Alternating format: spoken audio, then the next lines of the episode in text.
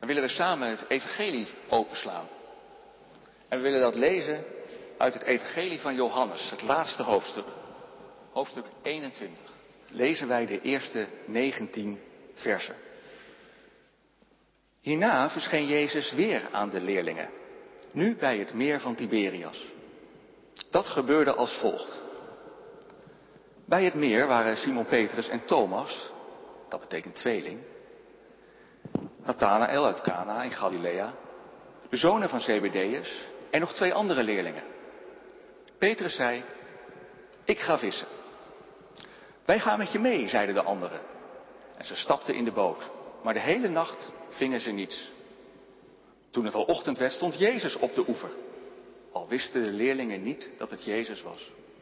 Hij riep, hebben jullie soms iets te eten?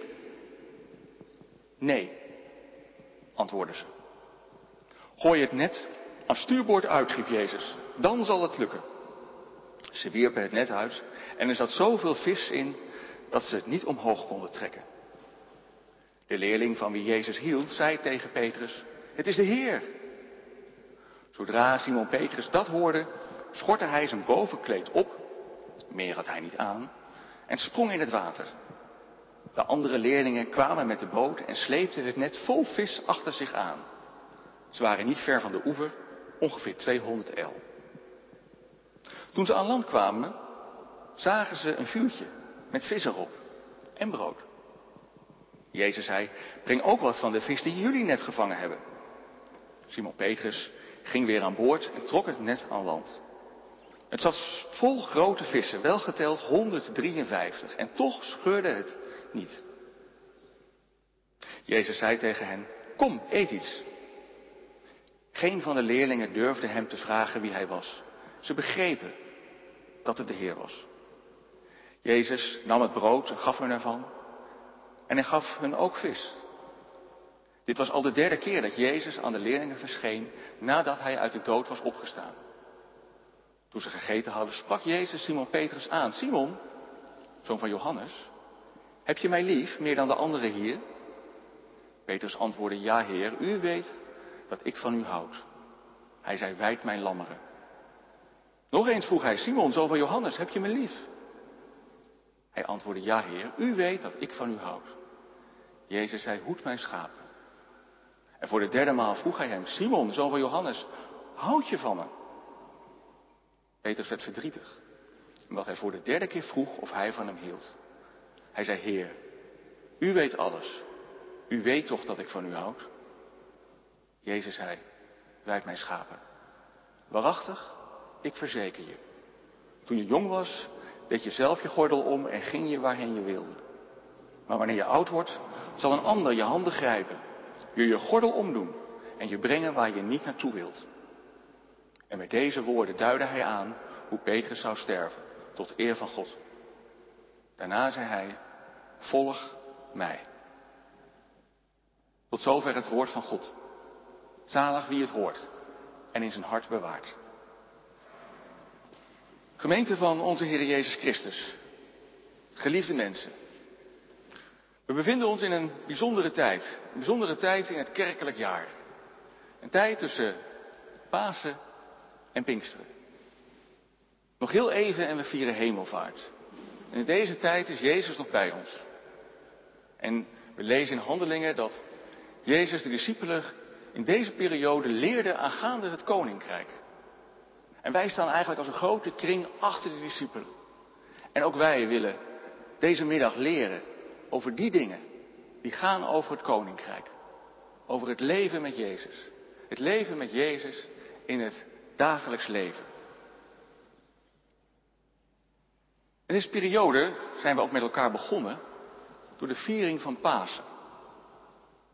En dat is ook waar eigenlijk Johannes zijn evangelie mee lijkt af te sluiten. In Johannes 20. De Heer is opgestaan. Maria Magdalena heeft hem ontmoet. Hij is verschenen aan de tien discipelen. En later ook aan Thomas. En dan lijkt eigenlijk Johannes te denken, nu is het goed geweest. Nu is het mooi. Op dit hoogtepunt zetten we een punt. Als ik kijk naar de laatste twee versen van hoofdstuk 20, Dan schrijft Johannes daar, Jezus heeft, heeft nog meer wondertekenen voor zijn leerlingen gedaan die niet in dit boek staan. Maar deze zijn opgeschreven opdat u gelooft dat Jezus de Messias is, de Zoon van God, en opdat u door te geloven leeft in zijn naam. Johannes zet hier een punt. Hij denkt, het is goed om te stoppen op een hoogtepunt. De Heer is opgestaan. Hier eindigt mijn evangelie. Maar dan toch, hij bedenkt zich. Johannes lijkt zich te realiseren. Ja, maar het koninkrijk der hemelen, het leven met Jezus, dat is niet alleen bedoeld voor die dagen dat we Pasen vieren. Niet alleen bedoeld voor die dagen dat we naar de kerk gaan. Voor die dagen dat geloven niet zo moeilijk is. Maar het evangelie is juist ook bedoeld voor die heel gewone dagen. Die heel gewone dagen dat we naar school gaan. Dat we naar het werk gaan. Dat we dingen moeten doen. Juist dan komt het erop aan. Geloven we in Jezus? Zien we Hem?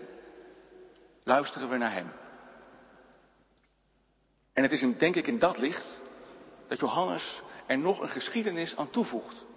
Nog een verhaal vertelt. Het verhaal dat we lazen in Johannes 21. En daar lijkt het wel alsof de discipelen plotseling opduiken in Galilea. Uit het Matthäus-evangelie weten we dat Jezus het heeft gezegd. Ga maar naar Galilea, daar zal ik jullie verschijnen. En inderdaad, we pakken de draad hier weer op. In Galilea. Daar zijn de discipelen. En Galilea, misschien bent u er wel eens geweest. Het is een prachtig gebied. Misschien wel het mooiste gebied van Israël. Het is een groen. Er is genoeg water. Het is een gebied waar het goed toeven is. Maar het is ook een gebied voor de discipelen vol herinneringen. Het is het gebied waar ze door de Heer Jezus geroepen zijn om vissers van mensen te, te worden. Het is een gebied waar Jezus heeft gepreekt. Waar Jezus op die heuvel die zaligsprekingen heeft uitgesproken. Zalig zijn de armen van geest. Zalig zijn die treuren. Zalig de vredestichters. En meer nog, Jezus heeft hier wonderen gedaan. Hij heeft hier zieken genezen. Hij heeft de zee en de wind tot bedaren gebracht. En het is naar dat gebied waar de discipelen zoveel herinneringen aan koesteren, denk ik. Daar gaan ze naar terug. Terug om bij te komen naar die intense tijd. Die intense tijd waarin Jezus ja, werd opgepakt, werd gekruisigd, is gestorven en begraven, maar ook weer opstond. De discipelen zijn dan terug in Galilea, terug waar het eens begon. En we lezen dan dat Petrus ook nu blijkbaar slecht kan stilzitten. En Petrus deelt het de anderen mee. Nou, nou, ik ga vissen. Ik ga vissen. Ik pak mijn oude, oude beroep weer op. En de anderen reageren dan uit één mond. Wij gaan met je mee. Ook wij, wij gaan vissen. Ja, wat zullen ze daar een zin in gehad hebben? Zin om hun oude vak weer op te pakken. Zin om in die boot te stappen. Zin om het net uit te werpen en te zien wat de zee opbrengt. En ze zijn in die boot gesprongen, vol verwachting. Want ja, vissen, dat verleer je niet. Dat zal toch wel goed gaan. Ze werpen de netten uit. Maar ja, het net blijft leeg. En ze hebben elkaar misschien aangekeken. Van nou, misschien is het ook wel goed teken dat het net het eerste keer leeg blijft. We werpen het nog een keer uit. Nu aan de andere kant, aan bakboord, maar dan weer leeg. En de hele nacht gaat het door. Bakboord wordt binnengehaald. Leeg. Stuurboord. Ze trekken het weer naar binnen. Weer leeg. En nou denkt u misschien, nou, lege netten, zo zwaar zullen die toch niet zijn. Niet zo zwaar als dat net aan het einde van het verhaal, als er 153 vissen in zitten. Als kleinzoon van een visserman kan ik u vertellen, lege netten die je uit het water haalt, zijn misschien wel het zwaarste. Want behalve dat ze zwaar zijn door het water dat in die netten zit, is daar ook die teleurstelling.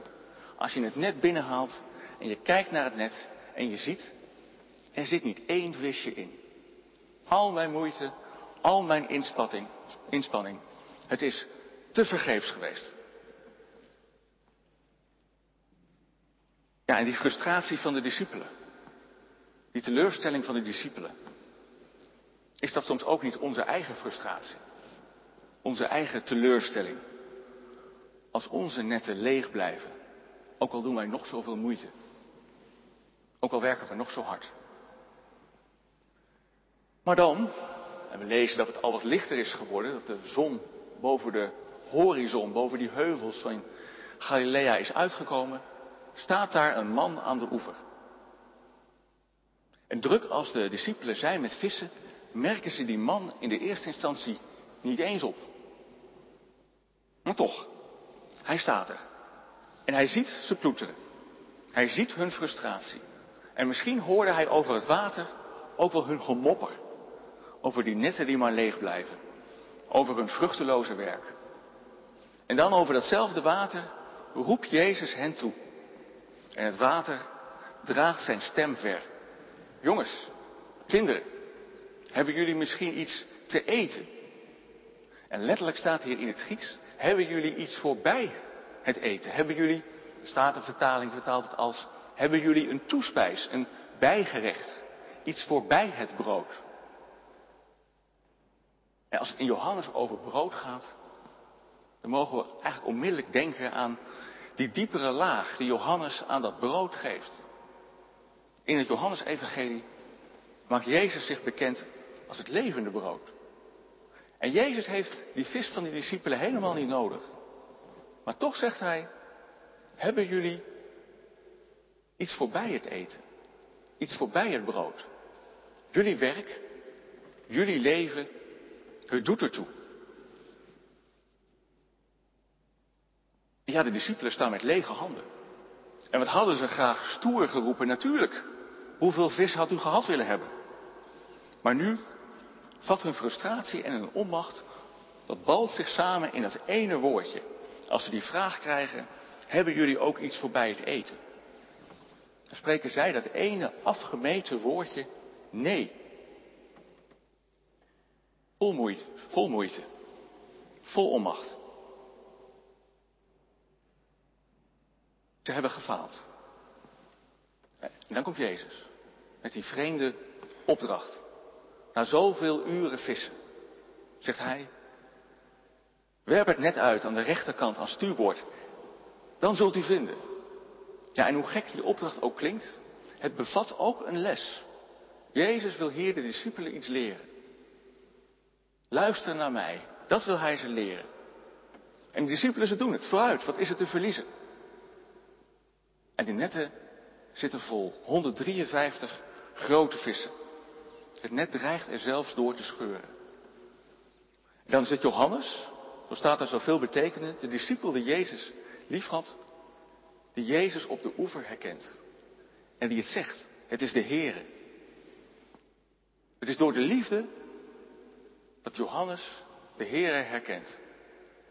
En dan is Petrus niet te houden. Petrus springt als eerste in de boot en hij springt ook als eerste weer uit de boot. En als Petrus dan aankomt, dan ziet hij eigenlijk dat Jezus zijn vis helemaal niet nodig heeft. Er is al een hout, een koolvuurtje. Er is al brood. Er is al vis. Maar hun eigen vis, het vis dat zij gevangen hebben, dat mag erbij. Ook dat mag deel uitmaken van die grote maaltijd. Een royale maaltijd. Maar ook een vreemde maaltijd.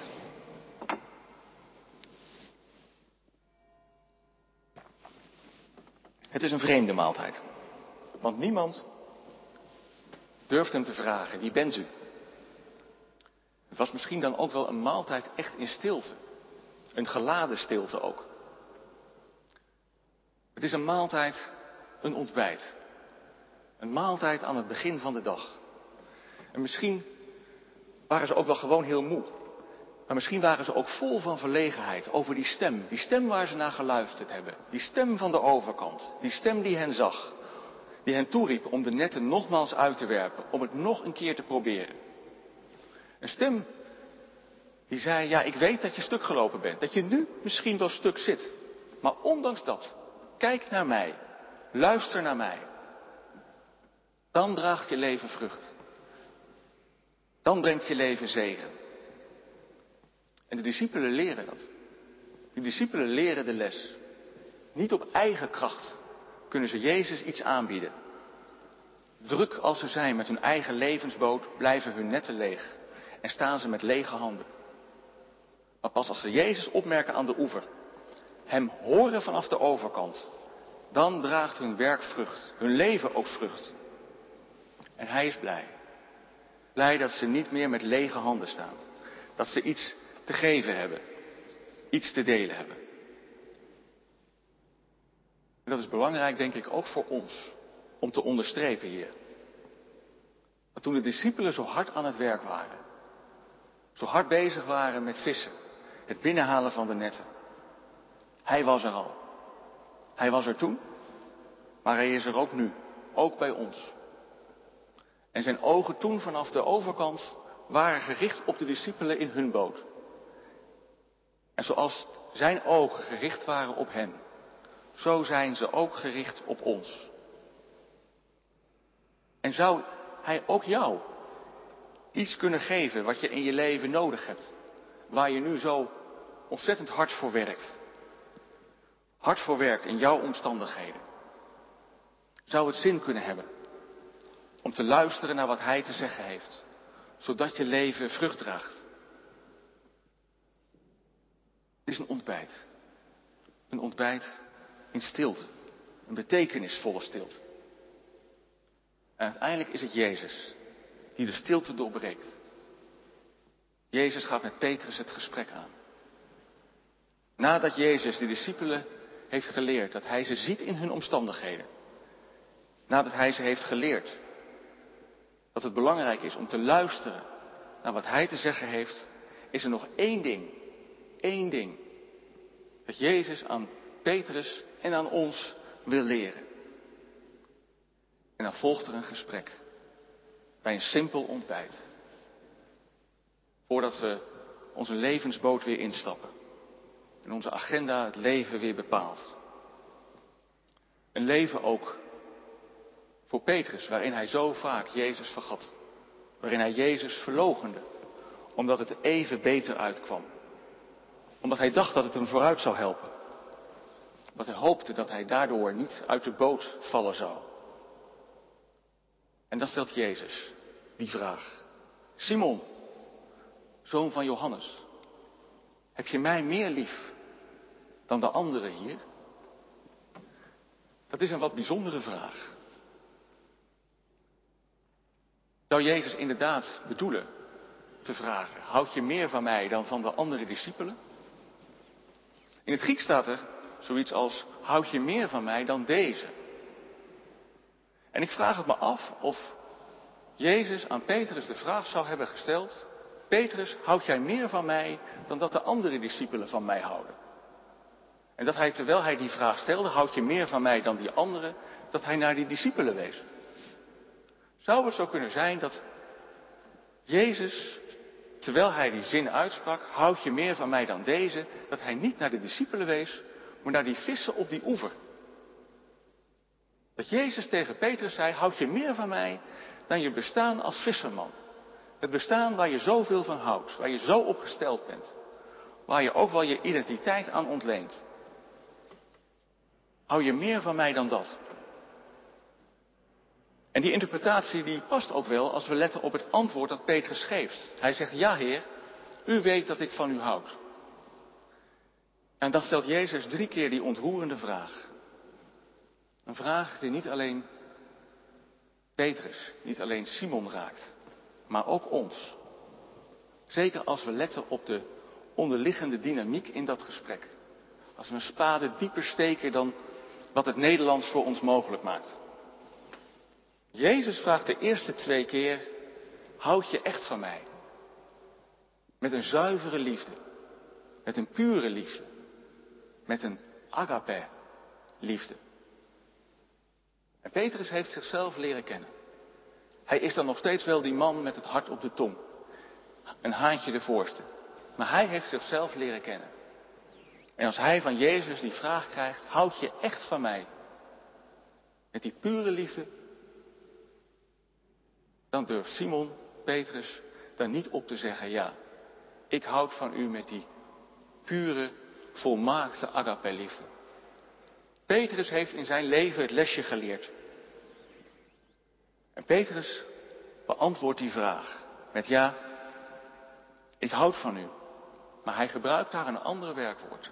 Hij gebruikt daar een werkwoord filia, dat is vriendschapsliefde. Jezus vraagt om pure liefde. En Petrus antwoordt, ja Heer, u weet dat ik van u houd. Als vriend. En als we zo het verhaal, zo het gesprek zouden lezen, dan zou dat iets worden als Simon, zoon van Johannes. Houd je van mij? En dan antwoordt Simon, ja Heer, u weet dat we vrienden zijn. Simon, zoon van Johannes, houd je van mij? Ja Heer, u weet dat we vrienden zijn. En dan die derde keer. U voelt wel aan, die derde keer gebeurt er iets bijzonders. Want dan breekt Petrus. Dan stromen de tranen hem over de wangen. Niet alleen doet die derde keer hem misschien denken aan zijn eigen verloochening van Jezus. Maar er is nog iets anders met die vraag. Jezus stelt niet meer de vraag, houd je van mij met die pure, volmaakte agape-liefde. Jezus stelt die vraag, Simon, zoon van Johannes, zijn wij vrienden? Zijn wij vrienden? Petrus breekt. Petrus breekt. Hij antwoordt, Heer, u weet toch alles. U weet dat ik van u houd. Met die vriendschapsliefde. Met die onvolmaakte liefde. U weet dat ik een onvolmaakt mens ben. En dan opent Petrus zijn hart voor Jezus. En hij laat Jezus in zijn hart kijken. En Jezus ziet de lafheid van Petrus. Zijn moeite om trouw te zijn aan Jezus. Om zijn angst te overwinnen. Maar dwars doorheen, dwars daardoorheen ziet Jezus ook nog iets anders. Jezus ziet in het hart van Petrus het echte verlangen om van Jezus te houden. Om, van bij, om bij Hem te zijn. Om te zeggen, mijn Jezus, ik houd van U. Ik noem U mijn vriend. Ondanks alles. Ondanks mijn onvolmaaktheid. Toch, toch houd ik van U. Ja, en is dat niet ontroerend? Want die vraag die Jezus stelde aan Simon, aan Petrus, die stelt hij ook aan ons. Die stelt hij ook aan u en aan jou. Als je zo hard werkt in de boot van je leven om drijvende te blijven, houd je van mij. Het is een vraag die hij stelt als je even rust neemt na een drukke tijd en aan de wal stapt om op adem te komen. Houd je van mij? Het is een vraag die hij je stelt als het leven het onmogelijke van je lijkt te vragen en je alles moet doen om niet buiten de boot te vallen. Houd je van mij? Want wat de omstandigheden van je leven ook mogen zijn. Als je deze vraag, als jij je deze vraag laat stellen op die heel gewone dagen. Als je die vraag echt tot je door laat dringen. Dan ontdek je steeds dieper. Ja, mijn liefde, hoe ik ook mijn best doe. Hoe hard ik ook werk. Mijn liefde is onvolkomen. En soms wil ik ook in het voetspoor van Jezus helemaal niet gaan. En soms kies ik zelfs tegen Hem. Maar ondanks dat, ondanks dat, ik houd van Hem. Ik houd van Hem met een liefde die ik niet had kunnen bedenken. Die ik mezelf nooit had kunnen geven. Want ik heb gemerkt dat toen ik opkeek uit de drukte van mijn bestaan, toen ik er geen gat meer in zag, toen ik met lege handen stond, Hij was er. Hij was er. Onze ogen kruisten elkaar. En ik wist mij, door Hem gezien door Hem gezien. En misschien stel je dan bij jezelf de vraag, ja maar hoe doe ik dat dan? Als ik Hem zo vaak vergeet, als ik zo druk ben, als ik helemaal geen tijd heb om op te kijken vanuit mijn levensboot. Om mijn agenda, even mijn agenda te laten. En ik zei het al. Johannes heeft zich bij het slot van het evangelie overduidelijk bedacht. Niet hoofdstuk 20 is het slot. Niet Pasen is het slot, hoe mooi dat ook geweest zou zijn. Maar hoofdstuk 21 is het slot. Johannes eindigt zijn evangelie met een ontbijt. Een ontbijt. Een ontbijt waar vaak van gezegd wordt, het is de belangrijkste maaltijd van de dag. Dan voed je je lichaam en dan kun je er weer fysiek ook tegenaan. Maar misschien leert dit gedeelte ons ook op een andere manier naar dat ontbijt te kijken. Want ontbijt nog steeds als een belangrijkste maaltijd van de dag. Een belangrijkste maaltijd om met Hem te beginnen. Misschien doe je dat al. Misschien begin je iedere dag al met Hem. Maar als je dat niet doet, probeer het dan eens. Gewoon één keer. Misschien kun je er een, als het bevalt, een gewoonte van maken. Dat voordat je de drukte van je boot en je werk weer instapt, om aan het begin van de dag een moment stil te zijn. Laat de fixatie op die boot, op je agenda, even los en bedenk. Hij is er ook nu, ook vandaag, als ik weer naar school, naar de studie ga of naar mijn werk. Wat ik ook ga doen, hoe mijn agenda er ook uitziet vandaag. Hij staat aan de oever. Hij staat op de uitkijk. Hij ziet mij. Ook dan. En dan staat hij daar niet stil te staren. Zo van, wat gaat hij nou doen? Wat heeft zij nou voor plannen? Nee, hij spreekt door zijn woord en door zijn geest. Zoals hij ook tot de discipelen iets te zeggen had. Toen de zon opkwam boven de horizon. Boven die heuvels van Galilea. Wil je zijn dag beginnen met hem? Wil je aan het begin van de dag zijn stem horen? Sla dan gewoon de Bijbel eens open. Bij het ontbijt. Misschien zelf of als gezin. En lees een stukje uit een psalm of uit een evangelie. Wat raak je? Welk woord? Welke korte zin kun je meenemen in de dag? misschien is het maar kort. Misschien lijkt het maar weinig. Maar toch, het is iets. Iets om mee te nemen. Iets om mee te nemen de boot in. Als je weer aan het werk gaat. Iets als je zit te wachten misschien. Voor college of voor een stoplicht of bij de koffieautomaat. Want als je zo'n woord meeneemt tijdens je dag, dan zul je ook merken dat Jezus tijdens je dag tot je gaat spreken. Soms ook op momenten dat je het helemaal niet verwacht. Een simpel woord, een lichtinval, een zonnestraal misschien. En als je je leven dan zo met Jezus begint, je dag met Jezus begint en je door Hem laat aankijken, laat leren en bevragen, dan ontdek je die ene les. Het gaat ten diepste niet om mijn succes, mijn levensboot, mijn grote vissen. Maar het gaat ten diepste om mijn leven met Jezus. Het gaat om Hem. Om een leven in het besef dat Hij die zoveel van mij houdt, Hij die zijn leven voor mij heeft gegeven, Hij staat aan de oever van mijn leven. Hij ziet mij. Altijd. Ieder moment. Ieder moment van de dag. Ook als je, s morgens in de vroegte, misschien achter je boterham zit, een beker melk of koffie. Ook dan, op die simpele momenten. Hij kijkt je aan. En hij vraagt je. Zeg eens eerlijk. Zeg eens eerlijk. Houd je van mij? Amen.